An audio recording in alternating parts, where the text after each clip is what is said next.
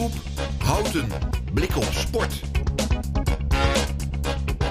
Mag ik uw gebit even zien? Ja, ja. Hij ging mee op de Galibier, reed alleen over de Marolène en heeft een fantastische solo afgeleverd. Gele trui over de finish. Juichen en wel. Mathieu van der Poel. Welkom bij de vierde aflevering van Blik op Sport, de heuse Tour-editie. We blikken terug met Joran over de chaotische sprintetappen op het, uh, op het circuit. En uh, ja, we gaan de bergen uh, in. De hoorcategorie komt eraan, dus het gaat echt beginnen vandaag. en we bespreken met Niels over de ontsnapping. Aan het begin van de etappe wil iedereen wegkomen en hij gaat uitleggen hoe dat gebeurt. Daarnaast hebben we gewoon weer de column van Jorren. We gaan weer even quizzen en het antwoord van gisteren bekendmaken.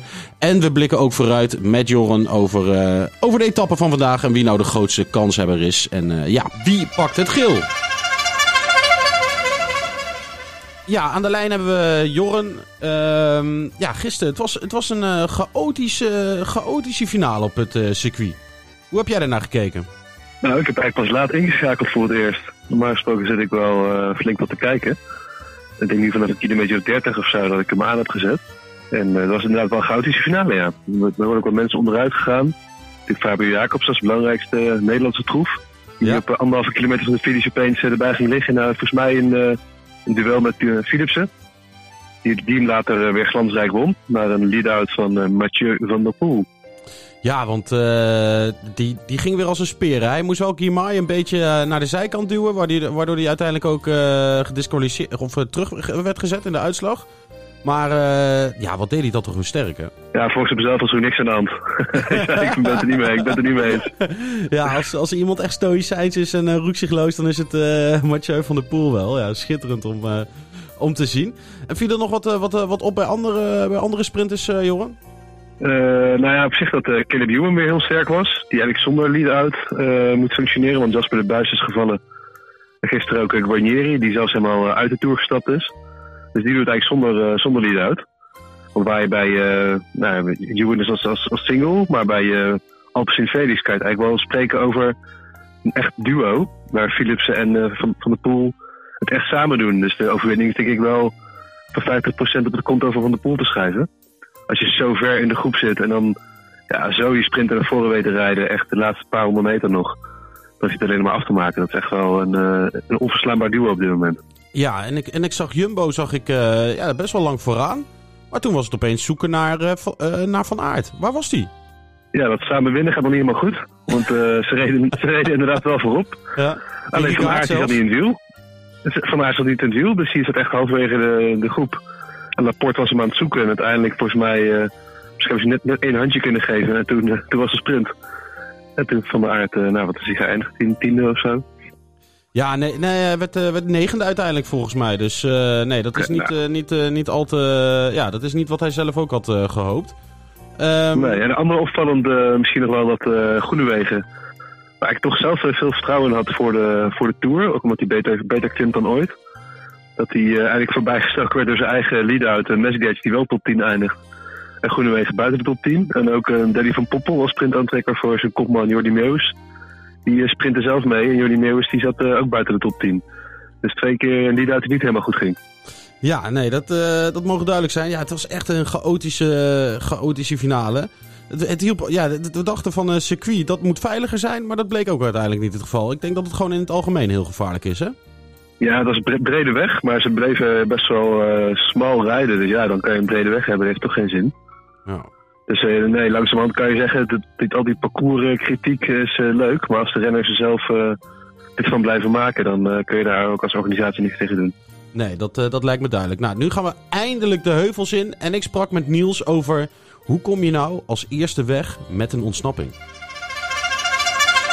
Ja, we hebben weer een nieuw thema met Niels bijna een rubriekje, thema met nieuws. um, ja, de ontsnapping.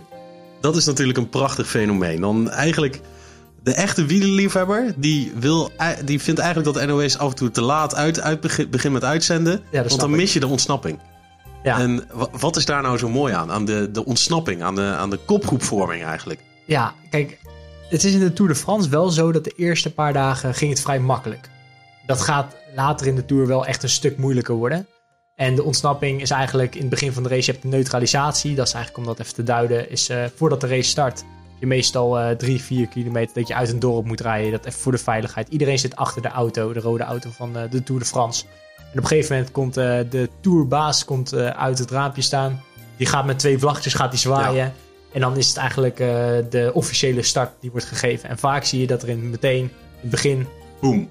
kletst iemand weg. Ja. Eh, en eh, vaak is het zo dat de eerste niet de goede is. In de Tour zag je het in het begin wel, omdat er gewoon eigenlijk bijna alle renners weten... deze gaat het niet halen tot het einde. En dat komt gewoon kan, kansberekening. Eigenlijk heel simpel. Ehm, en zeker de belangen die eigenlijk te groot zijn in, het, eh, in de eerste etappes. Maar ja, want de- ze, ze zeggen altijd vaak ook een minuut per 10 kilometer, toch? Ja, dat is wat je terug zou kunnen pakken Ja. in principe in, een- in een vlakke rit. Ja. Maar dat is wel heel schematisch eh, gezegd. Ja, ze, zou moeten kunnen tegenwoordig Ja, ze zeggen het wel inderdaad. Ehm, maar het is vooral dat die eerste week is het vaak zo dat eh, heel veel renners staan nog kort in het klassement. Nou is dat nu al iets minder, waardoor renners de ruimte kunnen worden gegeven. Ehm, en dat gaan we denk ik ook wel zien in de, in de loop van de weken. Dat eh, renners die staan misschien op 18 minuten. En dan maakt het voor eh, het team dat aan de leiding is, maakt het eigenlijk niet uit als hij vooruit blijft. Want de gele trui die is beschermd en misschien is het ook niet de beste renner. Ehm, Dus het is vaak ook zo dat de rij op een gegeven moment rijdt er een groep weg. Eh, er wordt gekeken wie zit er eigenlijk allemaal in die groep. En dan wordt er vanuit de teams gecommuniceerd, vanuit de ploegleidershouders vaak van... Ja, die mag eigenlijk niet meezitten. En dan gaat het team dat aan de leiding is, rijdt het dan ook wel dicht. Ja. Ehm, en ja, soms krijg je wel de kans, maar dan ja, ligt er net aan wat, wat de, de ploeg die de leiding heeft, of nu Jumbo-Visma, die eigenlijk de meeste belang heeft voor de gele trui, dat die denken eh, dat ze de meeste, de renners die zeg maar weg zijn, dat die niet goed genoeg zijn. Dus dat ze die altijd kunnen terugpakken. Of eh, hoe groot de groep groot is, dat verschilt natuurlijk ook weer. Als het een kleine groep is, weet je eigenlijk, oh, die kunnen we als peloton makkelijk terugpakken. Ja. Als het een hele grote groep is, ja, dan wordt dat natuurlijk heel erg lastig. Ja, want als aan het begin van de Tour eh, 20 mensen te- tegelijkertijd wegrijden... Ja, dan is alle hands aan dek eh, waarschijnlijk. Als iemand dan ook nog kort op, de- kort, eh, op, eh, in het Ja, klassement zeker. staat. Als hij kort Ja. in het klassement staat. En vaak is het zelfs zo, als er iemand kort in het klassement staat en de rest van de renners niet, dan zeggen die rest van de renners ook wel tegen die, tegen die jongen, laat jij je alsjeblieft even terugzakken, want dan Ja. kunnen wij in ieder geval nog voor de overwinning rijden. dan, en als hij het niet doet, dan wordt hij gewoon uitgescholden natuurlijk. Ja, Nou, dat eh, is soms wel eens het geval, ja. ja. Ja, ik zou dan ook echt helemaal pislink worden. Dat, dan, dan kan je voor een etappe gaan, maar dan zit er een, eh, iemand bij die, eh, die een gevaar is. Ja, dan je, Ja, je precies. gek. En kijk, sommige jongens die gaan in de ontsnapping mee omdat ze bijvoorbeeld ehm, voor het bolletjesklassement rijden. Of eh, voor de groene trui wat, wat sprintpunten mee willen pakken. Maar er zijn natuurlijk ook heel veel knechten die mee worden gestuurd. Bijvoorbeeld een knecht vanuit Jumbo-Visma. Eh, die later in de finale zich af laat zakken, zodat ze weer een mannetje van vervolg Ja, hebben. dat was met het NK natuurlijk geweldig gedaan door, eh, eh, door Jumbo met Kooi en, eh en Geesink. Dan Ja. Kooi- had Kooi eigenlijk nog de ruimte, waardoor hij ook da- daarna nog mee kon doen. Ja, Eigenlijk. dus Ja. dat, dat, is, dat zijn, ja, er zijn verschillende manieren en instellingen waardoor je in de kopgroep mee wil zitten. Maar dat meezitten, daar begint het wel mee. Want me- mensen denken dat dat heel makkelijk is. Ja. Maar dat is echt verrekte moeilijk. Ja, want eh, vertel, je, je, je, je zit in de bus voorafgaand, je krijgt de opdracht of je hebt gewoon zelf besloten, jij moet meezitten. Ja, Wat, wat, wat gaat er dan, wat gebeurt er dan? ja, meestal is het zo dat je eh, als renner eh, krijg je een taak mee. En dan is de, bijvoorbeeld wordt er tegen jou gezegd van nou, vandaag mag je wel meezitten. Ehm, nou, dan ga je proberen mee te zitten. Maar dat is echt niet makkelijk. Vaak is het zelfs zo dat het heel lang duurt eer dat er een ontsnapping weg is. En zeker op de dagen dat, er, dat de teams ook weten van dit is een dag dat ontsnapping weg kan blijven. Ja. Nou, dan is het om de beurt springen, gaan. En je moet eigenlijk zoeken naar het perfecte moment. En het perfecte moment is echt het allerlastigste. Dus Ja. eigenlijk het moment dat er een groep wegrijdt en dat iedereen naar elkaar kijkt en denkt: ik ga het niet meer doen. Ja, En vaak is dat dus niet de eerste, want dan is iedereen nog fris. is iedereen nog scherp? Ja. Ja. En sommige renners weten dat moment perfect aan te, te voelen. Bauke Mollema weet dat perfect aan te voelen. ja. Ja. Is helaas niet bij, maar goed, die weet dat wel wanneer dat moment is. En er zijn ook renners die kunnen gewoon heel hard rijden, zoals ik eigenlijk zelf altijd was. En ik sprong met alles mee en vaak zat je dan net niet mee met de goede.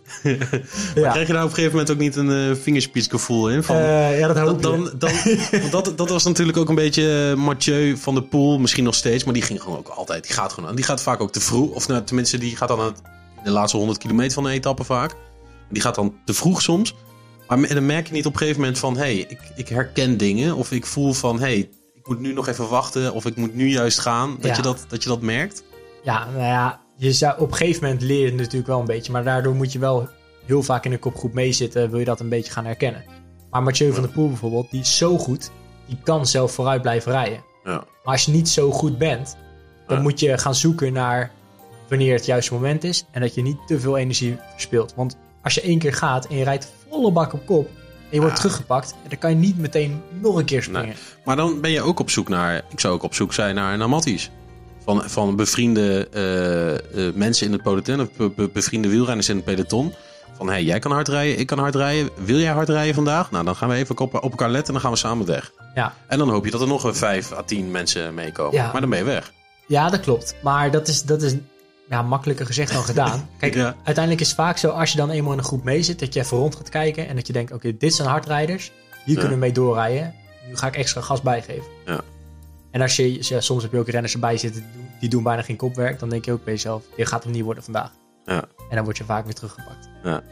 En dan, eh, nou, e- eigenlijk weer de laatste vraag. Als ik zeg de ontsnapper, aan wie denk je dan? Magnus Kort Nielsen. En waarom? Ah, fantastische coureur. En die gaan we zeker nog wel een paar keer eh, mee zien zitten. Dat, ja, dat weet ik bijna zeker. Oké, mooi. Dankjewel. We gaan door met de column van Jorn. Een kat in de zak lopen. In het voetbal wordt met miljoenen gesmeten als het monopoliegeld is. Honderden miljoenen voor grijs wordende verdetten als Cristiano Ronaldo en Lionel Messi. In het wielrennen vallen de bedragen nog mee. De dagen bij Ducknip wordt vooral getrokken voor halfbejaarde legendes als Christopher Froome en Peter Sagan. Voordeel? Ze waren dé uithangborden van de sport. De naamsbekendheid van je ploeg krijgt een enorme boost en deelname aan de Tour de France lijkt verzekerd. Maar niet voor Chris Froome zelf. Na tien edities aan de start hebben gestaan, werd hij dit jaar ondanks zijn salaris van 5,5 miljoen euro gepasseerd voor de grootste ronde van het jaar. Na vier eindzeges, een ovaal tandwiel en een sprintje de Mont Ventoux op, Bauke Mollema achteraan, lijkt dit dan het einde van het Frans-Engels-Keniaanse huwelijk.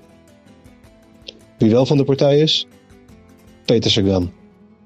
Waren niet dat de beste man in het voorjaar nog wordt opgepakt voor het dronken besturen van een scooter? Om 11 uur 35 's ochtends met een promillage van 3,34. Bijna zeven keer zoveel als de in Nederland toegestane hoeveelheid. Sagan zelf lijkt er dus weinig zin meer in te hebben. In interviews geeft hij aan al uit te kijken naar zijn pensioen aan het eind van het jaar. Dit keer dus de laatste keer in de Tour de France. En voor zijn vorstelijke salaris van 5 miljoen euro verwacht je dan misschien wat vuurwerk. Dat vuurwerk blijft voorlopig nog achterwege. Na een negentiende plek in de sprint maandag kwam hij gisteren niet verder dan plek 13. Zou totaal energie achteraf spijt hebben van deze miljoenen aankoop? Hij reed namelijk geen deuk meer in het spreekwoordelijke pakje boter. Of viel het stiekem met de neus in de boter? Sagan heeft met zijn naam gegarandeerde media-aandacht namelijk de ploeg wel op de kaart gezet. En stiekem blijven ze natuurlijk hopen op dat andere spreekwoord. Over die oude vos, die wel zijn haren verliest, maar niet zijn streken. Zou Sagan de komende weken dan toch nog eenmaal toeslaan met een ritzegen? Het lijkt mij een safe bet dat hij dat niet meer voor elkaar krijgt. Althans, niet zonder zijn scooter.